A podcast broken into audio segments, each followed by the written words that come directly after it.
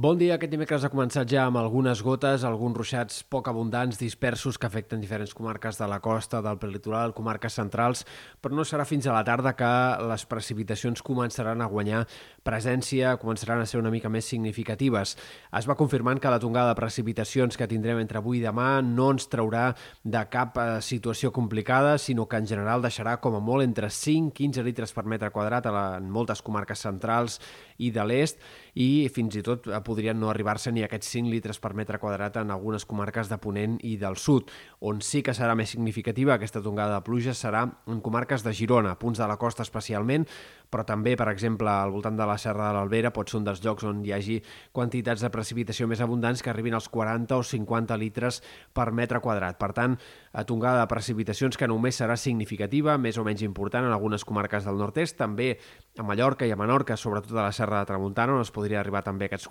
40-50 litres per metre quadrat, i també haurem d'estar pendents de la cota de neu que anirà baixant progressivament. Avui se situarà encara entre els 800-1.000 metres, però de cara a la nit i sobretot a mesura que avanci el dijous eh, baixarà fins als 600, 500 puntualment i, per tant, eh, pot haver-hi enfarinades en punts relativament poc habituals, eh, sobretot no només sectors del Pirineu, sinó també a punts, per exemple, de la Serra de l'Albera, punts elevats de la Serra de la Transversal, a sectors del Montseny, el Meteocat de fet té actiu un avís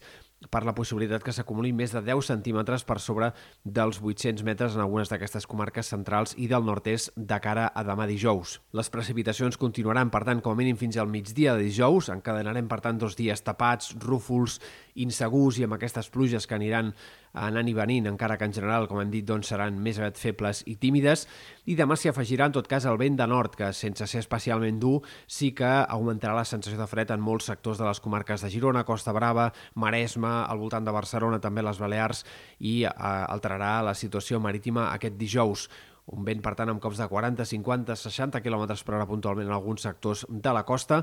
però que en tot cas no s'allargaran dies següents. A partir de divendres, predomini del sol i de cara a dissabte i diumenge, inici de la setmana que ve, aniran arribant diferents sistemes frontals poc actius que portaran alguns intervals de núvols, però ja no tornaran a fer ploure. En tot cas, a mitjans de la setmana que ve potser tindrem algunes precipitacions una mica més significatives cap al Pirineu Occidental, però a la resta sembla que com a molt el que pugui passar la setmana que ve eh,